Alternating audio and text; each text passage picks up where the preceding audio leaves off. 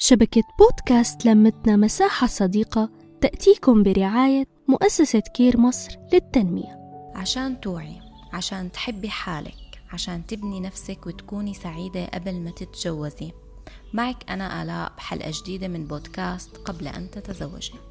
بينحكى بالعصور الإغريقية كان في شاب اسمه نرجس أو نرسس. كان عم يتمشى فشاف انعكاس صورة وشه بالمي ومن وقتها انعجب بحاله. وقع بغرام نفسه. ومن هون طلع مصطلح النرجسية وهي الشخص الملتف حوالين نفسه. وأكيد آه سمعتوا بالسوشيال ميديا مصطلح النرجسية أو الشخص النرجسي. صار مادة آه كتير ناس يعني حكوا فيها وصنفوها أنه هي من العلاقات السامة. فخلينا بهاي الحلقة نحكي مين هو الشخص النرجسي كيف آه شو العلامات اللي بتخلينا نعرفه. وإذا لسوء حظنا دخلنا بهيك علاقة أو كان حدا من أهلنا كيف نتعامل معه؟ ونحط حدود قدر الإمكان. زي ما قلنا الشخص النرجسي هو شخص بحب حاله حب زايد لدرجة إنه ببطل قادر يشوف غيره واحتياجات غيره. بيسرع راسنا من كتر ما بيحكي عن إنجازات. أنا عملت أنا سويت أنا قابلت وأنا وأنا. ما بيكون شايف عيوبه مع إنه هاي ما بدل على ثقة بالنفس بل على العكس إذا دخلتي لجواته بتلاقيه هش وضعيف من جوا. بس هو بيقول هذا الكلام بصوت عالي لحتى يضل يأكد لنفسه إنه هو شخص جدير بالثقة أو شخص عنده ميزات. لأنه الشخص الحقيقي الواثق من نفسه ما محتاج يضل يقول لأنه أفعاله بتعبر عنه. أول ما تتعرفي عليه تنجذبي تنسحري فيه بتلاقيه فعلا معه هالة سحر. بيجذبك بتعامله الراقي بيبدأ بيقولك قد إيه انت وياه متشابهين مع بعض قد إيه في بيناتكم قصص مشتركة بس لحتى يوقعك بشباكه. بعد ما يقدر إنه يوقعك بشباكه وأنت بتصيري تستسلمي ساعتها بيبدأ يبخ سمه. سمه إنه بيبدأ يتلاعب فيك عاطفيا. وهاي من أصعب الأمور النفسية اللي ممكن الواحد يوقع فيها. مرة بيطلعك لسابع سما وبلحظة بنزلك للأرض. ما بتعودي انت عارفة هل انت عم تفعلي اللي عليكي بالعلاقة ولا انت مقصرة.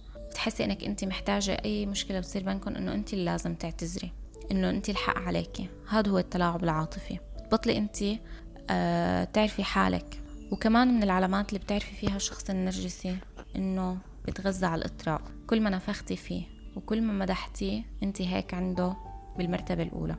وإذا تجاهلتيه يا ويلك. إذا انت كنت عم تحكي آه، شغلة بتلاقيه عم بيعلي عليكي. لأنه هو بيفتقر للتعاطف. ما بحبك انت تقولي شي عنك. لا شي منيح ولا شي عاطل. إذا حكيتي شي منيح هو الأحسن. وإذا حكيتي قصة مرقت معك أو صعوبة انت عم تعانيها بحياتك تلاقيه دغري عم بيقفل الموضوع. بتلاقي كمان إنه ما عنده علاقات صداقة طويلة الأمد. يعني بتطلع الناس اللي حواليه ما بتلاقي إنه الناس رغبانة إنه هذا الشخص يكون من ضمن آه، علاقات المقربة. عنده معارف سطحية. يعني الأنانية ماشية على الأرض. هذا هو الشخص النرجسي. هاي عم نحكي إحنا بالعموم. ممكن الشخص النرجسي يكون ممكن يكون هو الشخص نفسه يعني أنا أو آه، شريك حياتي خطيب أو زوج أو ممكن يكون حدا من أهلي الأب الأم حدا من الإخوات.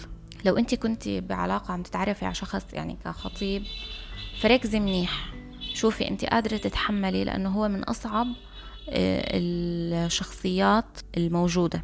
لأنه أنت بدك تضلي مستنزفة على طول معه تمدحيه على طول بطلي تركزي على حالك تركزي عليه فأنت إذا قادرة إنك يعني خلص عرفتي إنه الشخص اللي معك نرجسي وقادرة إنك تتحملي فتمام. بس إذا مو قادرة تتحملي الأفضل إنه تبتعدي. بس إذا كان حدا خلص مفروض عليكي كحدا من أهلك أو كزوج أنت مثلا ما قادرة إنك تنفصلي عنه فهون مهم إنك تبدأي تحطي حدود. الحدود أول شيء إنه بدك تقللي سقف التوقعات منه. إن كان أمك أو أبوك أو زوجك. بدك إنه ما تستمدي قيمتك منه. ما تستني هو إذا قالك كلام حلو معناتها تشوفي قيمة نفسك بعيونه. مهم تحيطي نفسك بناس تانيين. علاقة صداقة قوية أو حتى مثلا لو تروحي عند آه، استشارية آه، صحة نفسية أو أخصائية نفسية لحتى أنت تقدري تفرغي. مهم تعملي آه، تعرفي أنت شو ميزاتك لحتى تضلي مركزة عليها وما تنمحي معه. يبطل إلك كيان. وطبعا تحطي حدود. الأمور اللي ما قادرة تسكتي عنها توضحي له إياها وتوضحي له عاقبة إذا أخل بهاي الأمور. وهيك أعزائي بتنتهي حلقتي معكم وبلاقيكم بحلقة جديدة. ومع السلامة. نحكي نتشارك نتواصل.